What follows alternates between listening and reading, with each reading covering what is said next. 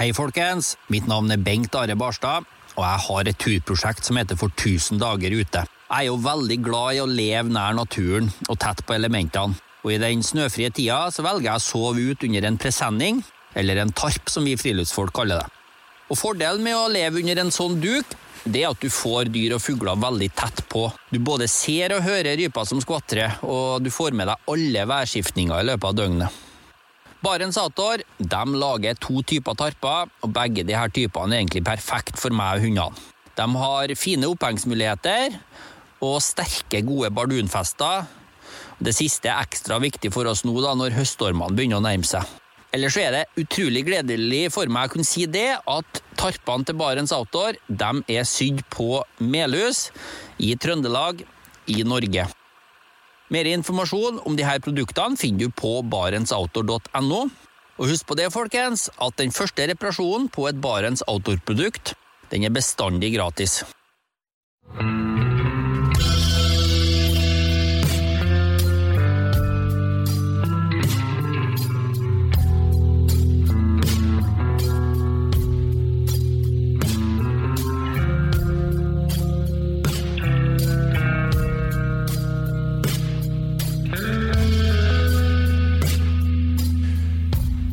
Og velkommen til podkasten Uteliv. Mitt navn er Randulf Valle. Dagens episode tar jeg opp i Oslo. Litt oppe i ei blokk med fin utsikt mot en vårgrønn hovedstad. Og dagens gjest er forfatter, skribent Sigrid Sandberg. Hjertelig velkommen. Tusen takk. Eh, Og velkommen tilbake, egentlig. Du er jo ute med ny bok, 'Ro'. Ja. Jeg blei ferdig med den på toget hit. Eh, har kost meg. Den handler om mye. Eh, Ja. inntrykket jeg sitter igjen om med. Eh, men den handler jo eh, eh, i, ved første øyekast om å ro hele Sognefjorden på langs Norges lengste fjord. Men så slår det meg jo at tittelen har jo en dobbeltbetydning. For det står ikke 'å ro'. Så man kan velge om det er verbet eller substantivet. Det er Altså- helt riktig. Eller begge deler. Ja. Ja. Og det handler, om, handler det om å finne ro like mye som å bevege seg baklengs ved hjelp av årer? Absolutt. Og så handler det litt om eh, Ja, er det mulig å finne ro ved å ro? Eh? Er det mulig? Det jeg prøvde jeg å finne litt ut av, da. Ja. Det skal vi snakke om i dag, men som vanlig så begynner vi jo med å spørre Har du hatt en fin tur eller naturopplevelse nå nylig? Ja, jeg var ute på Var ute på fjorden, faktisk, eh, på lørdag. Eh, I min nybygde, selvbygde, eh, fantastiske lille trekajakk. Grønlandskajakk. Um, og det, i den må jeg innrømme at man får en helt annen kontakt med fjorden og vannet, da, enn i en eh, plastbalje, som jeg begynte å kalle de andre. Her, er- her er det også dem med allerede.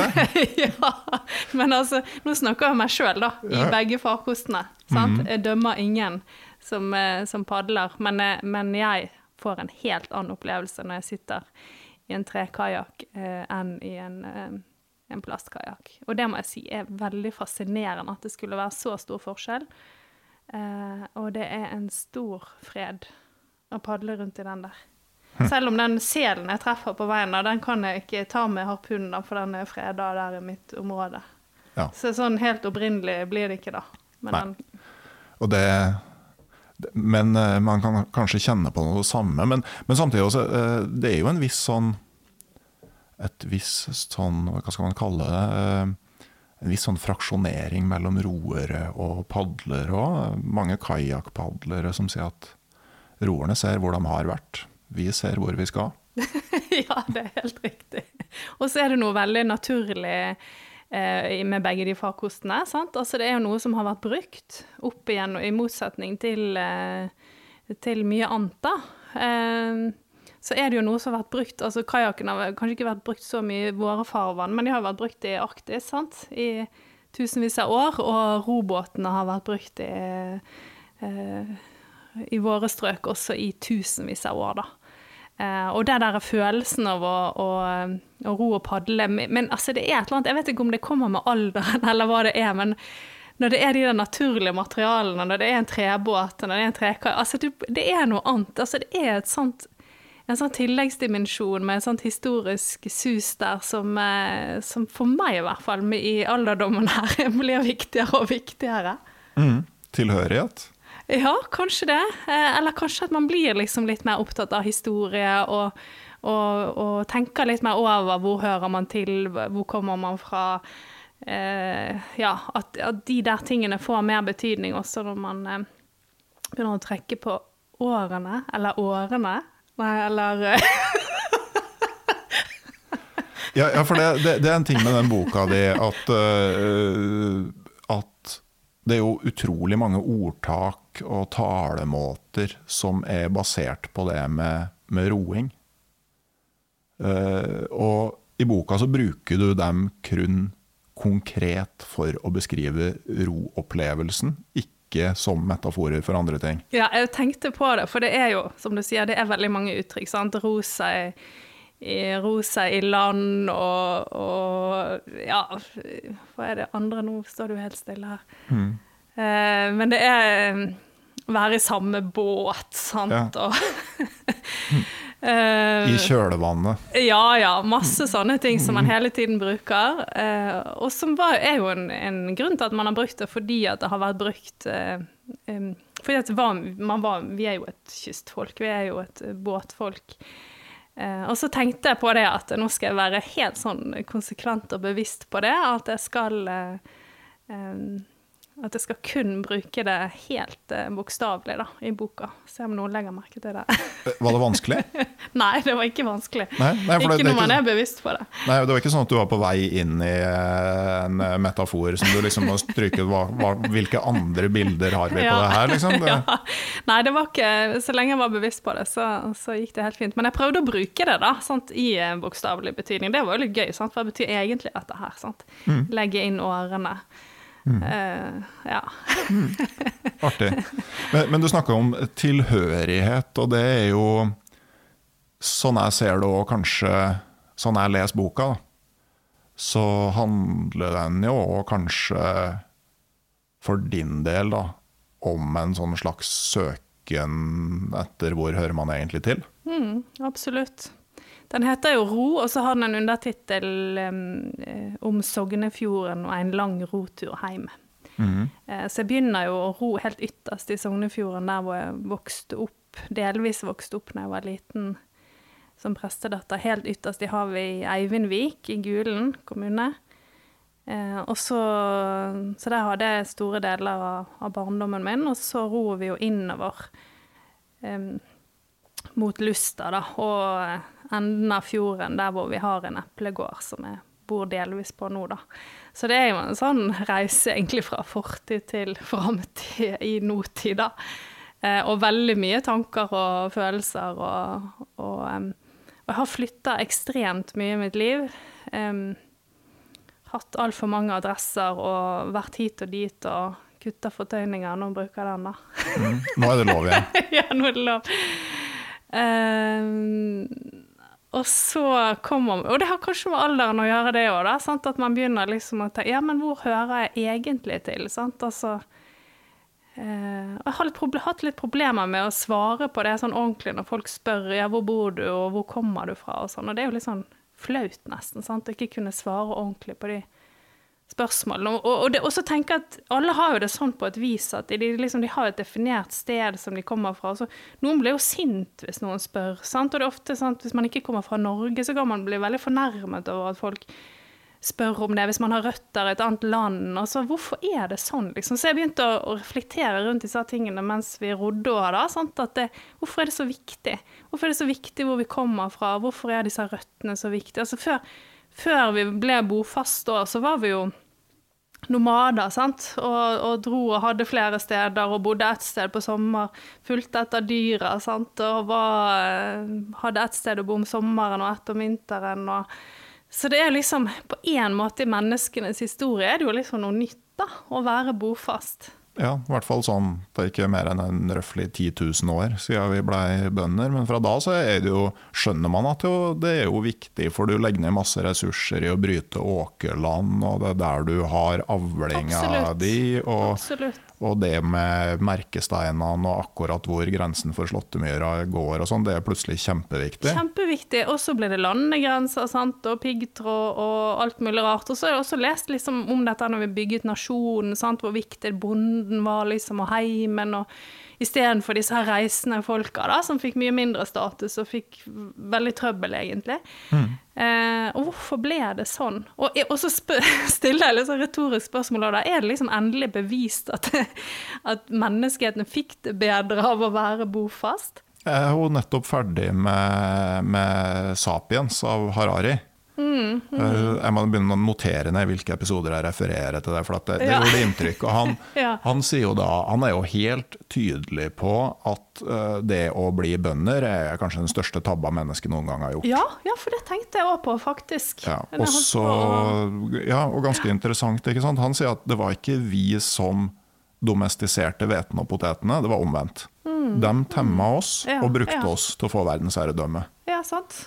Og siden har det bare gått ned nå ja, hjem, Og, og vi har blitt altfor mange, og vi har satt ja, og, og, det er jo naturlig, ikke sant? Altså for når du driver jordbruk, så kan du lage mer mat, så det er ingen vei mm, tilbake. Mm, mm, så, så, det Han er jo helt tydelig på at vi hadde det bedre da vi var mm. sankere, men det hadde antagelig mm. bedre enn nå. Ja, ja. Hvis du kom deg forbi den veldig farlige småbarnsfasen, så kunne du bli ganske gammel og, og ha ganske mer fritid enn i dag. Og variert kosthold og variert belastning på kroppen. og så, ehm, men ehm, men uh, det valget ble altså tatt for 10 000 år siden, så vi må, vi, må, stå i det i dag, da. Det, ja, vi må det. og, og, og, eh, en del av din da løsning på å stå i det, ble altså da å ro hele Sognefjorden. Eh, hvor kom den tanken fra? Ja, også, Det er veldig viktig at det er ikke noe sånn voldsom prestasjon. Altså, Jeg har vært veldig opptatt av at det, det er ikke noe sånn prestasjon i seg sjøl. Jeg, sånn, eh, jeg har ikke satt noen rekorder, og jeg har ikke gjort det fort. og Jeg har vært veldig opptatt av at dette skal gå sakte for seg. Og, eh, men ideen kom altså var urolig, jeg må innrømme det. Og jeg er jo kanskje en litt rastløs person. Og, og det, jeg syns det var en del uro, eh, ja, både sånn i nær krets med folk som var sjuke og ikke hadde det bra. Og, og i tillegg til liksom natur- og klimakrise og pandemi. Og så, etter at manuset var levert, så jo, ble det jo krig og altså? Det har vært mye sånn Eh, global uro som liksom blander seg med en sånn egen uro. Og så hva skal man gjøre med det? Liksom? Skal man bare sitte og gruble, eller skal man prøve å få gjort noe, eller Og så er det jo liksom et veldig sånn eh, rart prosjekt, og da skulle legge ut og ro, men det ble en Det ble en slags jeg, jeg, klarte ikke å liksom det, det, bare dukket opp igjen og igjen at eh, Nesten liksom besettelse at jeg bare tenkte at jeg må ut og ro. Uh, og jeg må finne ut og jeg må finne Jeg må få være i kontakt med elementene, jeg må få være i naturen. Det handler om det, selvfølgelig, som har hjulpet meg før, og som hjelper veldig mange. Å, å være ute og være, være, litt på vei. Og, og så tenkt, altså, sant, Det er jo ikke noe som hjelper andre at jeg drar ut og ror. Men jo, men kanskje så tenkte jeg at jo, men jeg har lyst til å fortelle òg. Jeg har lyst til å fortelle fjorden. Og jeg har lyst til å fortelle om naturen langs fjorden, i fjorden. Livet over under vann. Hva er det som skjer? Er fjorden frisk? Jeg har lyst til å fortelle historier om alle som har fartet der med eh, fartøy og gamle båter, og hvordan bygger man robåter. Altså, det var så mye jeg hadde lyst til å fortelle, da. Og så tenkte jeg kanskje jeg kan bruke denne turen som en rød tråd for å fortalt historier som jeg syns er viktige, da. Om ja. natur og om uh, historie, om, om, viktig kulturarv og alt dette her, da. Så, så er det på en måte i like stor grad forfatteren som er på jakt etter et prosjekt, som roeren som har skrevet ei bok? ja, men, men denne gangen så var det faktisk sånn at jeg sa til redaktøren min at jeg driter i om dette her blir en publiserbar tekst, jeg må ut og ro.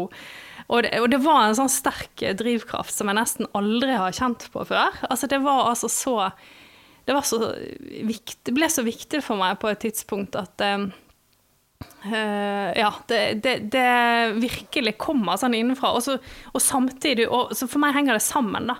Det henger sammen med at jeg har lyst til å gjøre det, men like mye har jeg lyst til å fortelle, da. Uh, så litt sånn vanskelig å skille på en måte de to, uh, de to tingene, da.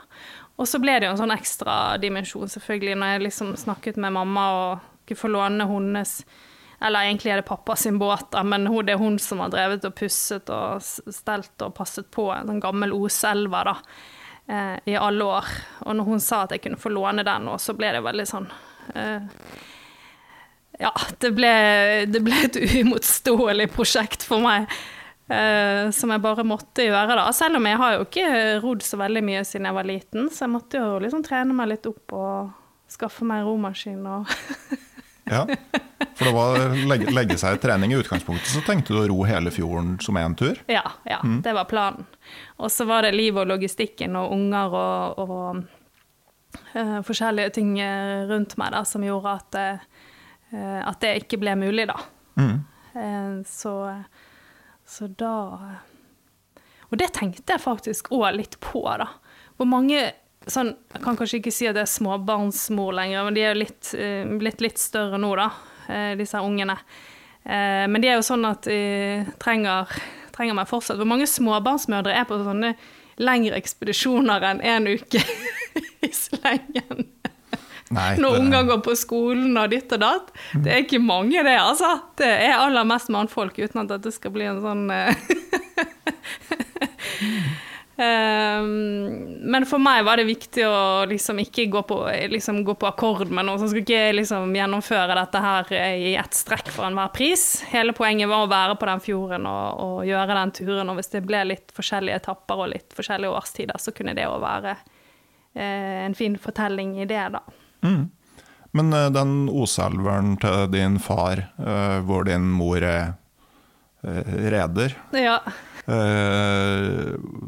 Du var liksom litt sånn, nesten litt sånn tvilende til om du var verdig til å overta? Ja, absolutt. Fordi at det, den har jo liksom vært med oss hele barndommen. og, og mamma har passet veldig godt på den.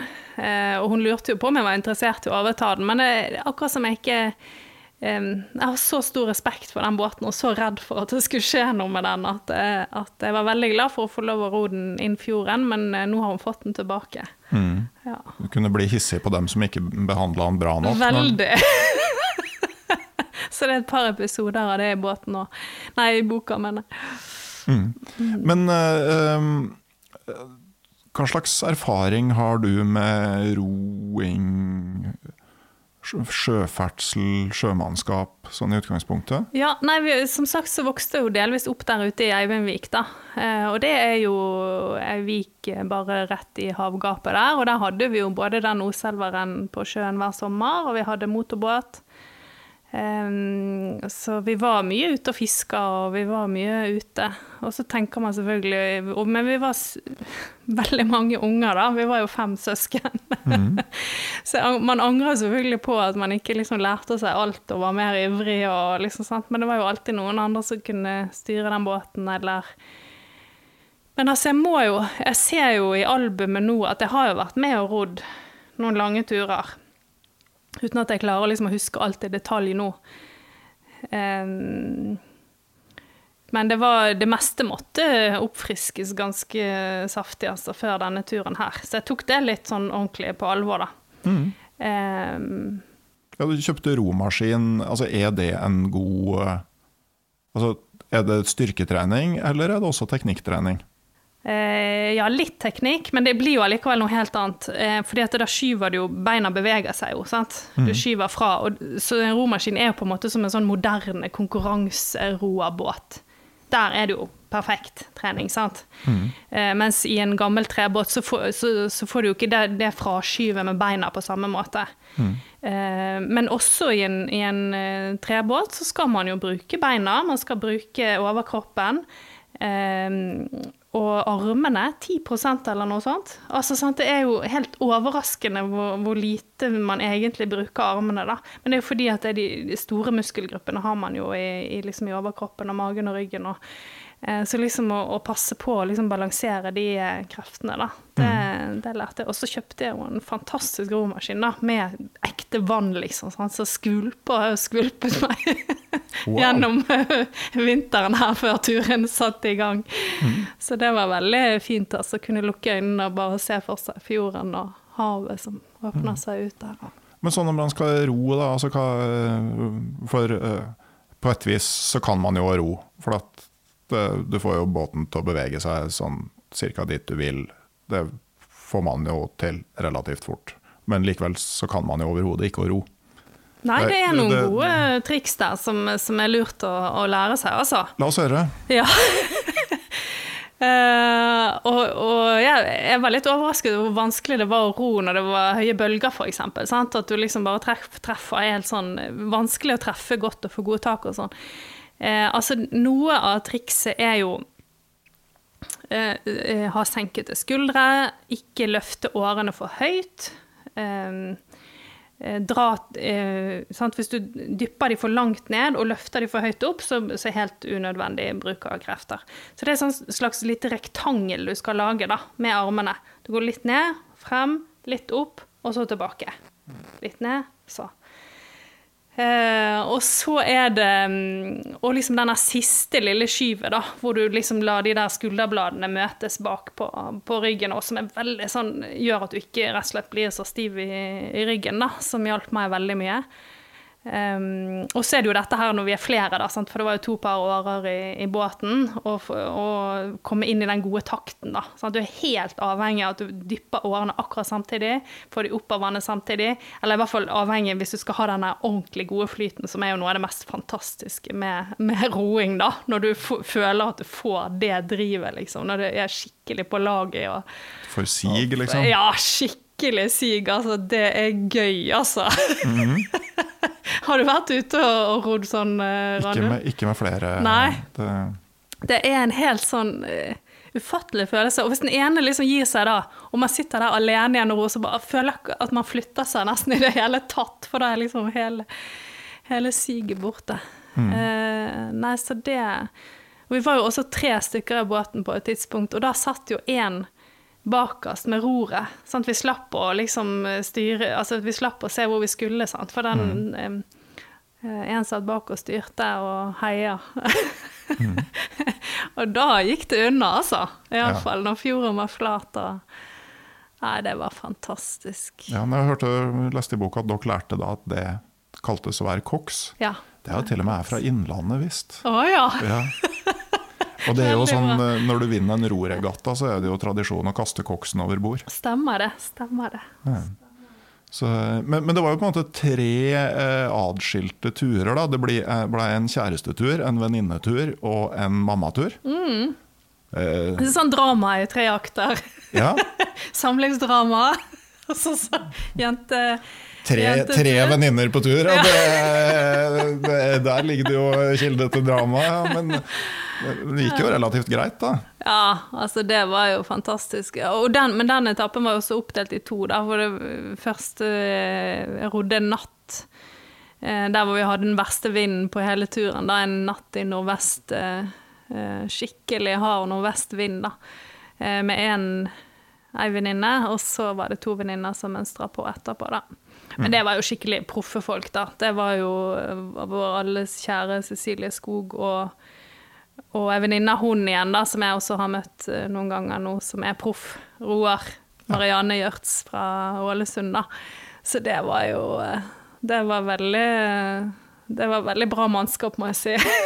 ja, det, det, er viktig det for en uh, Hvis du har båt og mønstrer på riktig mannskap. Ja, det er veldig viktig. Kan aldri overvurderes. Men, men den, uh, den uværsnatta altså Du har jo, ikke overraskende for oss som kjenner en del sånn litterære ja, digresjoner, ikke digresjoner heller, men altså litterære elementer i boka. Og du refererer bl.a. til Wergeland på, på Sognefjorden. Mm. uh, i styggvær. Mm, Fantastisk eh, dikt. ja, ja han, eh, han seiler jo denne her. Han fikk være passasjer på, på en sognejekte da, i um, 1832, var det vel. Midt på sommeren. Han hadde kommet over fjellet fra Østlandet og over Sognefjellet og ned, ned til Fortun og, eh, og ned i Skjolden. Og så skulle han ut fjorden, da. Og så var det, havna han i en skikkelig sommerstorm, rett og slett. da. Um, så han skrev eh, et dikt eh, som heter 'Sognefjorden', som er et fantastisk dikt, hvor han skriver om ja, storm og stille og den her evige farten som fjorden er fordømt til. Da, sant? For evig fremad og tilbake. Eh, og det er ut, utrolig flott dikt, så det har jeg med i sin helhet. Så jeg også med litt av et dikt han skrev eh, til Eivindvik da når han kom dit endelig. Hun skulle møte prosten Dahl, som jobbet der på den tiden. da. Eh, og da skriver han også om, om Sognefjorden. Eh, og da skriver han Eller om det er i Sognefjorden Han skriver i hvert fall 'Den har vært dødens gjest'. 'Den er redet på en torden'. 'Den er døpt i redsla vorden', som har krysset Sognefjorden fortun fra til Sognefest. Oi. Det er vakkert. Ja, og så merker jeg meg, ikke sant eh, um, Du som du sjøl sier, er prestedatter. Uh, Dag, eh, fra en annen bok du har skrevet, så vet jeg at du er utmeldt av statskirken. Ser på deg sjøl som agnostiker. Ja. Altså en som ikke Som måtte egentlig erkjenne at man ikke vet. Mm. men Wergeland da mente at Sognefjorden kunne få deg til å huske bønnene. ja, det skriver han også om, faktisk. Ja. det er veldig sånn sant. Det Det er veldig mange som hvis de havner i skikkelig trøbbel i, i storm eller uvær, så er det kanskje ikke så dumt å avsi en liten bønn allikevel. Nei, har det hendt? Eh, ja, jeg klarer ikke, ikke på den turen her. Eh, Men jeg, men jeg mener jo, altså som agnostiker så mener jeg jo at det kan godt være altså det kan godt være at Gud fins. Men jeg, jeg eh, eh, er ikke i den posisjonen at jeg kan, kan si at det er sånn det er. Eh, Jeg, jeg sier at jeg vet ikke, og, jeg, og jeg, det, det er for stort for meg til å liksom kunne uttale meg noe bastant om det. Eh, og om det er Allah, eller om det er Gud, eller om alle disse religionene bare er ulike veier til en livskraft som vi alle kjenner dunke i blodet og brystet, så, så kan det være det. Men jeg er for lite og for kunnskapsløs og for kort her på jorden til å si noe helt bastant om det. Men jeg undrer meg over det. Jeg syns det er fascinerende, og jeg syns det er eh, skremmende òg, selvfølgelig, til tider med folk som er altfor påståelige på, på sånne ting, da. Mm. Mm. Men eh, du begynte med en rotur sammen med mannen din. Jeg bare si at En annen sånn litterært grep jeg ser, du, er, du er ganske sånn personlig altså Du kommer, kommer tett på deg i denne boka her. Eh, men samtidig, de folkene du har med deg, dem er der på et vis i kraft av relasjonen sin til deg. Mannen din er mannen. Ja. ja. Uh, Og han er god å ha. Ja, Uh, og uh, Men jeg tenker det er jo litt sånn et bilde på hva boka er òg, ikke sant? Altså sånn, det er din reise, og de som er med deg, kommer på en måte inn og er der i kraft med at de er sammen med deg, og så forsvinner de igjen. Men, men mannen din, det er han som Dere eier en eplegård innerst i Sognefjorden men kommer ikke derifra. Nei, sant? så det er jo også noe jeg liksom diskuterer. Sant? Eh, det, alle er så ekstremt opptatt av det der. Sant? Ja, er det en familiegård, da? Eh, og det er det jo ikke. Selv om min tippoldefar kom fra en annen eh, fjordarm inni der. da, Han kom fra Flåm.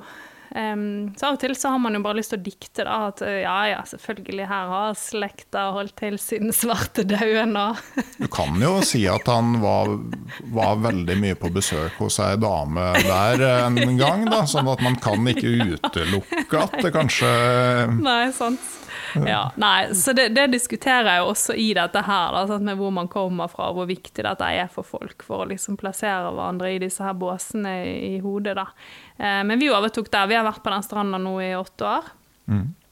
Eh, og jeg føler meg jo hjemme der òg. eh, som jeg gjør veldig mange Men, men dere driver altså en veiløs eplegård innerst i Sognefjorden? Ja, altså det er jo eh, sant, Vi har jo andre prosjekter, og vi har jo Men vi har epletrær, og vi de Så vi får over to tonn epler og presser eplemost eh, hvert år, da. Som vi nå skal selge i den lille kafeen vår i Solvorn i sommer. Mm. Eh, så det er Mm. Det er kjekt. Ja, men hvordan er altså dra på tur med, med mannen? Ja, det er jo Det er jo eh, Det var Han kom jo ned fra Svalbard rett før den ville skulle ut på den turen, og så, og så var det jo liksom i hovedsak mitt prosjekt, da, sant? så det var jo litt sånn eh, Første åretakene der var litt årekrasj og litt eh, ukvemsord og litt eh, Kanskje ikke skjønte helt at det var nødvendig å ro hele fjorden for å skrive om dette her. Og, men så etter hvert så ble det bare bedre og bedre stemning. Så det var veldig bra. Så ble vi jo liggende værfast da, for det var skikkelig ille vær eh, et halvannet døgn der. Og så kom vi jo innom og var besøk eh, til noen gamle kjente langs fjorden der, og fikk oss ei øl og litt sånn her. Og så avsluttet jo vår etappe med en helt sånn helt fantastisk dag med så stille og bare vårgrønne trær og snøfjell som speiler seg, og vi eh, Så det var helt, helt fantastisk. Um, Ja, men, man mente at det her var noe egentlig alle par Ja, altså, burde gjennom. og det er jo også morsomt. Jeg prøver å ta med alle morsomme ting som folk sier eh, underveis på turen. Da. Så, så han eh, kom med en god kommentar, da, selv om vi har, jo, vi har jo vært sammen i ti år nå. Da. Men han mente at det å ro Sognefjorden var noe som absolutt alle nye par burde gjøre, da. For å teste forholdet. Uh, og hvis det da ble et knull på avslutningsfesten innerst i Skjolden der, så kunne man bare holde fram i forholdet. Ja, nei, men jeg tror han har et poeng. Altså, alle, altså, vi gikk New Zealand på langs sammen. Ja, ja. Men på den annen side så tenker jeg at eh, det er jo vesentlig lettere å gjøre en sånn tur sammen enn å ha en hverdag sammen. Ja, sant. Det er akkurat det òg. Og det er, oppstår noe sånn magi der som er jo bare helt, eh, helt fantastisk å ta med seg videre. Og de minnene og den, liksom den mestringen og de utfordringene man møter, og de folka man møter, og de felles eh, naturopplevelsene man får sammen. Da. Men jeg husker faktisk at mamma sa òg da jeg var liten, at det aldri liksom bli sammen med noen før du har vært på hyttetur med dem og liksom og vært på tur med dem og ser liksom hva de duger til, da.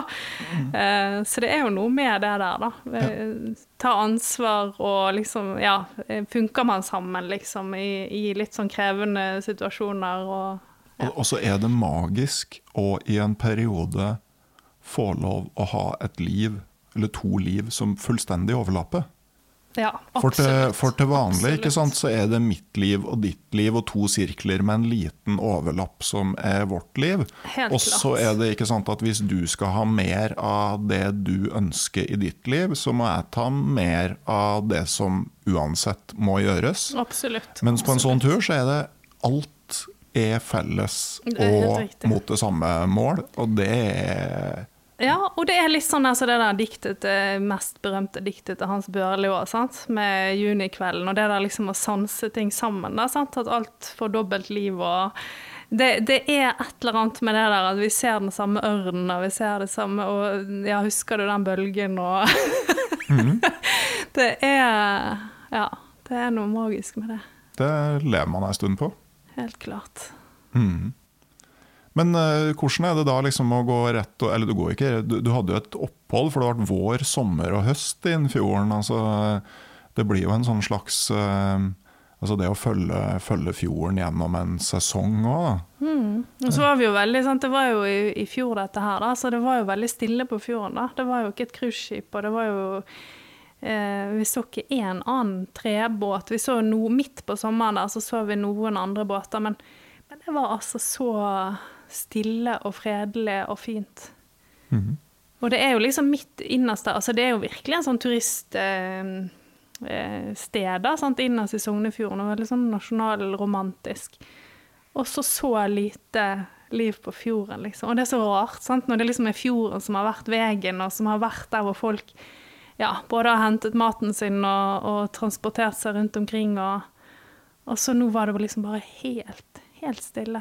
Og det er selvfølgelig litt deilig òg, da. Ja. Eh, og så er det jo noe med det å være reisende, ikke sant. Altså dere eh, Man trenger jo hjelp og assistanse en del ganger. Noen ganger planlagt, og andre ganger helt uplanlagt. Altså det må være mye fine menneskemøter innover der. Absolutt. Og det var jo også sånn som liksom har fått tips om at du må planlegge du må liksom planlegge litt, men ikke planlegge alt. Sant? Sånn vi, du må eh, Og noen ting skjer jo bare sant? ut fra vær og vind, og, plutselig så blåser det opp, og så eh, Så vi hadde jo et par sånne nødhamner, da. Eh, hvor vi møtte utfattelig fine folk, altså.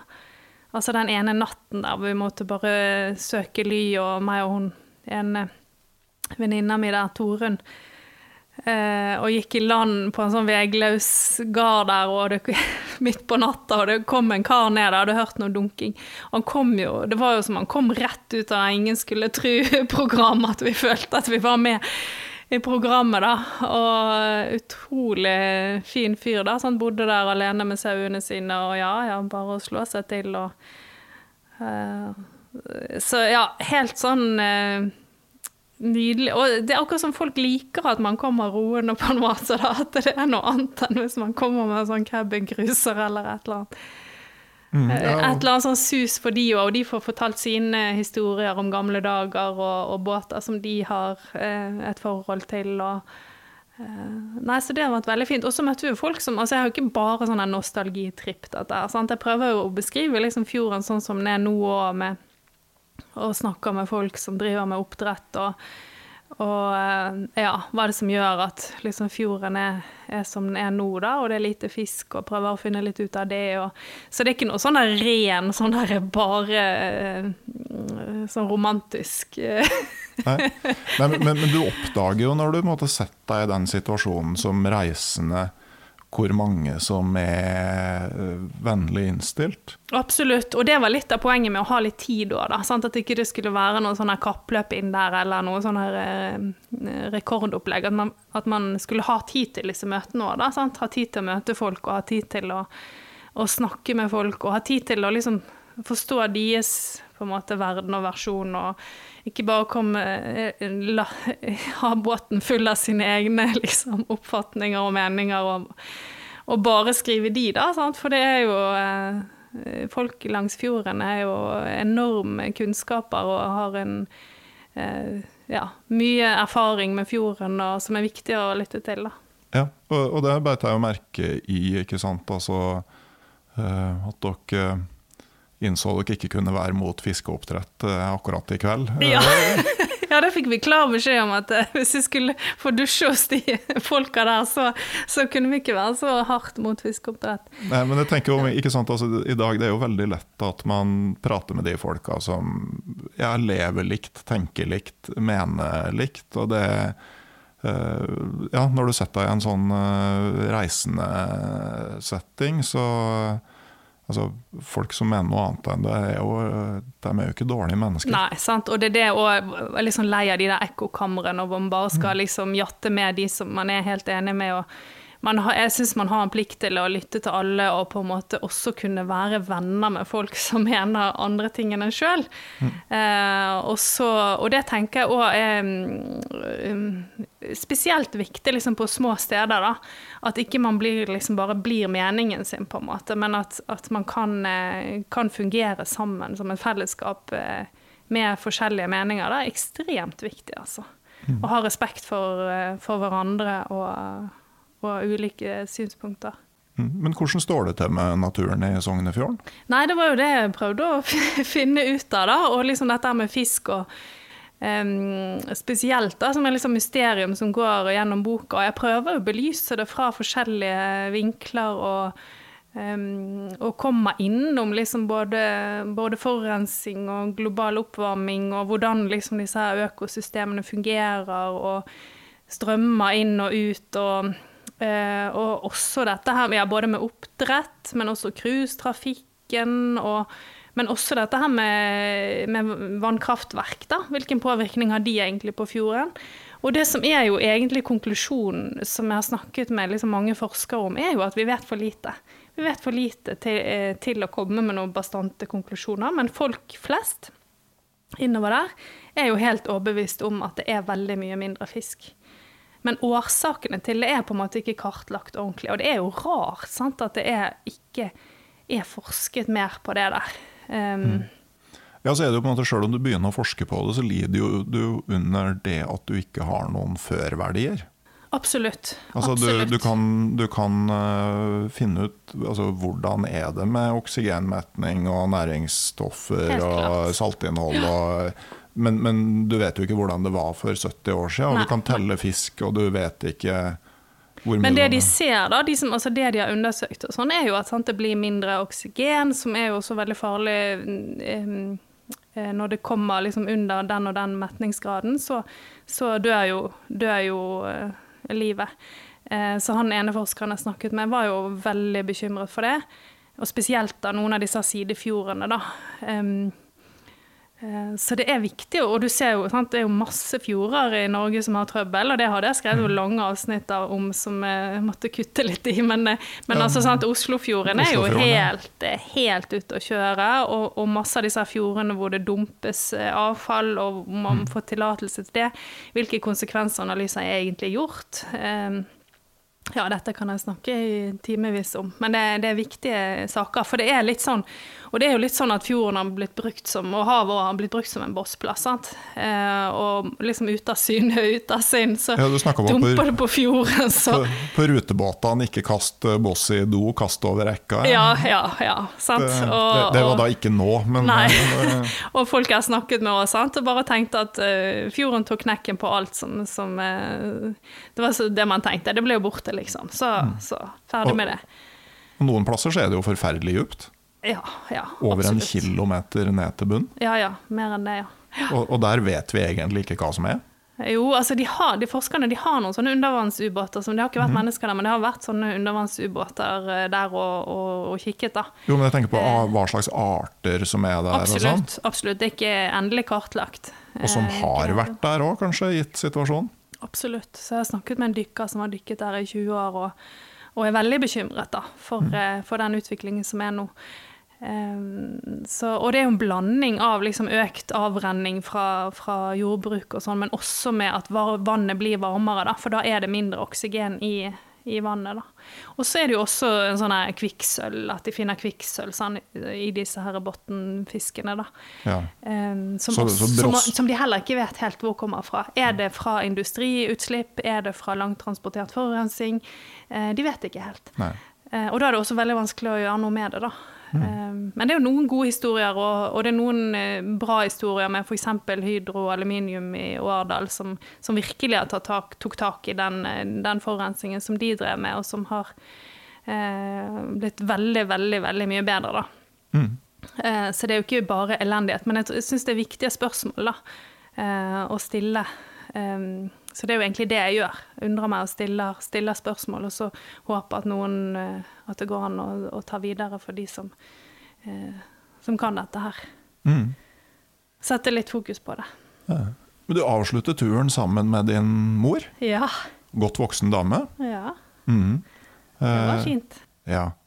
Og eh, ja, det, det, virker som du, du måtte jo love når du ble journalist å ikke skrive om henne. Ja, hun sa det veldig klart og tydelig. Hun var jo prest, da. Hun var jo første kvinnelige sogneprest i Bjørgvin. Eh, og hun sa til meg med en gang jeg begynte å skrive og få ting på trykk her og der, at eh, ja, det er bare å skrive, men du må ikke skrive om meg. Mm. og det har jeg holdt helt til nå, da. Ja. så nå har hun, Men i og med at hun, det var hun som hadde båten, og, og hun ble, har hjulpet meg så mye med dette prosjektet, og det har vært så fint Eh, og vi har jo hatt Det har jo det har vært masse unger og masse spetakkel, og, og vi, har ikke, vi har bodd lite samme sted, så jeg har liksom hatt ikke så mye jeg har hatt med hun å gjøre liksom opp igjennom, da. Eh, men akkurat dette prosjektet her, så, så kom vi liksom litt sånn nærmere hverandre på en måte, da. Mm. Så jeg tenkte jo det på den siste etappen der når jeg satt med henne i båten, at det er sjelden at det, vi har vært så nære, liksom. Både sånn mm. fysisk og mm. mentalt. For jeg tenker altså sånn eh, Jeg er jo innflytter, lærerbarn. Eh, og det er jo på en måte én ting, men det å være innflytter prestebarn er jo da eh, flere divisjoner videre på hvilken skala det her nå er. Og jeg tenker òg at altså, det å oppleve at mamma er omsorgsperson for Til hele bygda. Så, til hele bygda. Og det må jo Kommunen. på et vis, eller hele kommunen, at et prestegjeld, og det på et vis går på bekostning av den tida man gjerne skulle hatt sjøl. Ja, men så er det jo liksom sånn når man er liten, så er man jo i det man er i. sant? Man tenker ikke så mye på at eh, mange andre mammaer som var hjemme. Jeg tenkte i hvert fall ikke så mye på det. Men, men jeg tenkte jo på at hun, at hun jobbet mye, og pappa jobbet jo i Bergen, så han pendlet jo til oss og kom til oss i helgene. Um, så vi måtte jo liksom klare oss sjøl mye, da. Um, og det var alltid noen som var viktige, og andre som var viktige. Og det var alltid sånn at det plutselig kunne komme noen flere hjem og være med på julaften, og noen som trengte det. Og mm. så, så um, ja, jeg vet ikke hva jeg skal si om det der. Det har nå gått bra med oss. ja, det, det, det, må det være lov å si. Uh, ja, og jeg er veldig stolt av liksom, den jobben hun har gjort. Hun er veldig sånn, opptatt av fellesskap og få med alle, og, og, um, og, det er mye sånn uh, Og selv om ikke jeg liksom regner meg som, som kristen nå, så tenker jeg at det er mye bra i den eh, religionen. Og hvis man liksom tar de bra tingene, liksom, eh, ja, sant? alle disse grunnsetningene, gjøre mot andre sånn som du vil at andre skal gjøre mot deg. Altså, det er en del sånne bra grunnverdier der som man kan få lov å ta med seg. Eh, Definitivt. Det, det, kunne jo blitt veldig bra politikk ut av det. Ja, sant. Ja. Med, med, med, vekt på 'kunne ha blitt'. Ja, ja, absolutt. absolutt. Så, men uh, uh, du, du avslutter jo sammen med mor. Så tenker jeg du bruker jo ikke rometaforer. Jeg var veldig spent når jeg begynte å lese boka. Jeg må innrømme jeg leste den ganske fort, så jeg kan ikke utelukke at du har brukt det bildet her. Men jeg, jeg, tenker, når du ror, så sitter du med ryggen mot dit du skal, og så ser du bakover, og du tar med, ikke sant? Du tar ting som skal være på linje med hverandre. Du ser bakover i terrenget hvordan ting skal se ut, for at du skal være på vei Riktig mot dit du skal. Mm. Er det også på en måte et bilde på hva den boka her er? Du tar sikte inn i fortid, kanskje til dels i nåtid, og så prøver du å la det her gi deg en retning inn i framtida? Ja, altså det var jo det jeg begynte å Jeg hadde ikke tenkt så mye over det før jeg satt i båten, faktisk. Men det var jo litt sånn det føltes da. At nå kan du få lov å stoppe litt opp, Sigrid. For det har gått veldig fort, dette her livet inntil nå. Eh, og har jo følt at jeg har liksom Ja, nå bruker et eh, ord igjen, da, men eh, sant, bare rast av sted og, og, og, lagt fra kai. Kutta fortøyninger og, og liksom sånn bodd på Svalbard og bodd her og der og liksom skifta jobber og eh, Ja, det har gått fort, da, og det har vært en sånn letthet i det. og så og så kommer man til et punkt i livet kanskje alt ikke er så lett lenger, og så, og så trenger man en liksom pause til å liksom tenke seg om og, og, og eh, Så det, ja, det ble veldig sånn Det ble sterkt, da. Og han, en annen jeg snakket med som har vært ute og rodd mye, han snakket jo om ro i sjela, da. sant? Altså det er sånn ja. Og liksom virkelig sånn, sitte og tenke over OK, det, hvor har jeg vært? Ehm, hvem vil jeg være? Eh, hvor skal jeg? Eh, ja, alle disse her tankene, liksom. Han rodde jo mye alene, da, så det var enda mer tid til tenking og, og det, er en, vil en pilegrimsprest ville kalle den indre vandringen, ikke sant? Ja, absolutt. Mm. Absolutt. Og, det, og det, blir, det, ble jo veldig sånn tydelig når du til og med liksom har det fysiske landskapet som du faktisk er vokst opp i. da. Eh, og i tillegg tankene og refleksjonene rundt ja, hvem var jeg egentlig, og, og, hvem vil jeg være, da, som er kanskje noe av det viktigste. Eh, har jeg lært nå? Kan jeg bli et bedre menneske? Det bør jo alle strebe etter, syns jeg. Å bli, bli eh, gode og rause folk. Mm. Og det er ikke alltid så lett, men man må øve seg. Og det, det er jo litt av liksom konklusjon Eller konklusjon men, men, men, jeg må jo si at det kommer liksom store ord og tanker når man er ute på sånn. Altså jeg, og nå er jo det det, liksom det der å øve seg, på en måte, og, og ja, prøve å både se innover og utover, og, og, på en måte øve seg på det som man, man vet er, er bra, da. Ja, og så den videre tolkninga der, da, ikke sant. Eh, Sjøl om du da tar sikte inn i fortida, mm. så ror du jo med ryggen mot. Mm. Sånn at på en sjøl om man har ideer om hvor man kommer fra og hvor man vil, mm. så blir jo aldri framtida akkurat sånn som man hadde sett for seg. Nei, absolutt ikke. Og så tenker jeg ikke sant at det starter med en tanke om å ro inn hele fjorden mm. på en lang tur.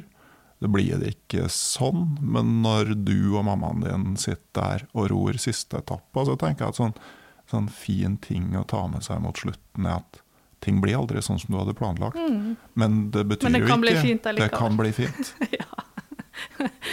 Absolutt. Men jeg fikk ikke helt tak i, blei det så du overtok Oseelveren, eller har du skaffa deg en annen trebåt? Nei, så da eh, Sånn som så det der forholdet til mor mi, som er liksom tredje akten der, da er jo både en sånn liksom sånn føler en nærhet, men også en litt sånn at jeg liksom eh, sier nei takk til den båten, da. Mm. Eh, for, ble, ble, for meg ble det liksom for mye følelser i den. og var redd for å ødelegge den og vet at hun har veldig stor glede av den fortsatt. Og min bror som bor i Bergen der. Og, og så er det også en seilbåt, da.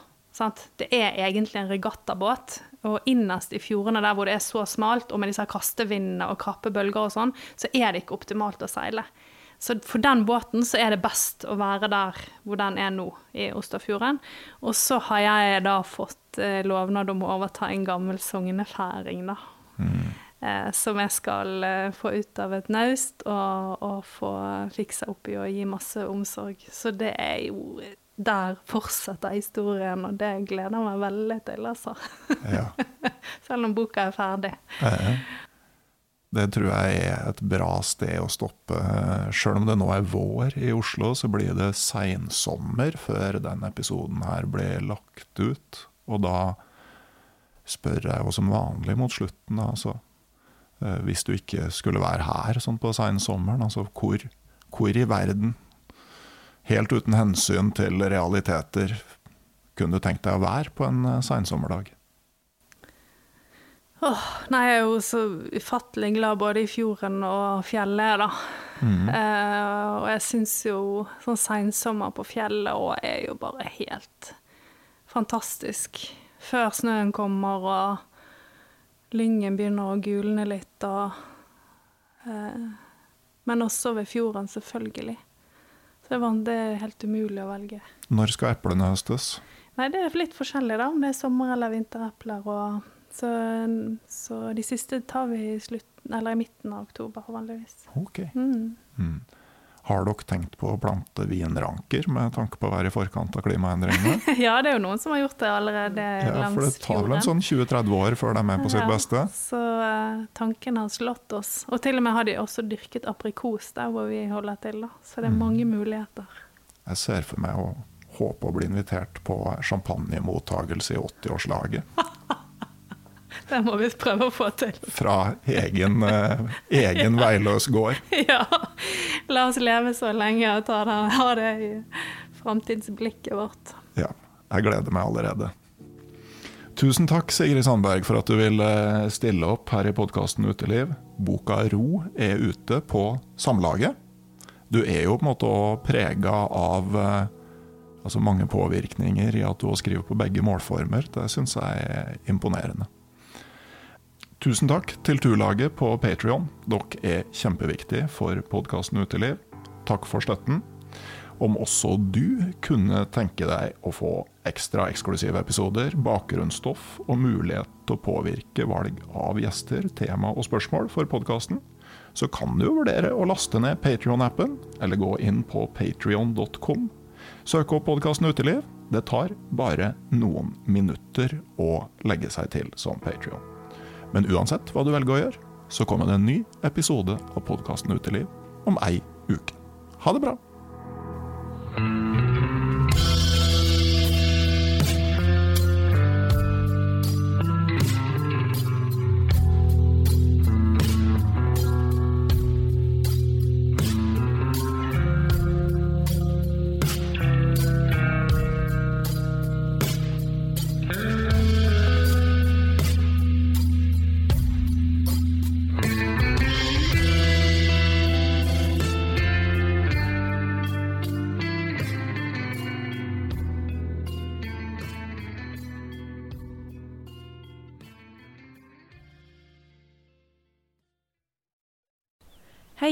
Heter Nore Helligsen og er daglig leder i Barents Outdoor. Det beste vi kan gjøre for planeten, er å redusere forbruket vårt og få mer ut av det utstyret vi allerede har. Men vi vet av erfaring at bruken av telt kan endre seg over tid. Det teltet du kjøpte for to år siden, passer kanskje ikke det behovet du har i dag. Derfor har vi i Barents etablert en egen panteordning der vi tar imot brukte telt av god kvalitet i innbytte når du kjøper et nytt av oss. Prosessen er enkel. På barentsoutdoor.no gir det oss informasjon om teltet du vil bytte inn. Basert på det får du et tilbud fra oss som gir deg rabatt på ditt neste Barents-produkt. Mer info og betingelser finner du på barentsoutdoor.no.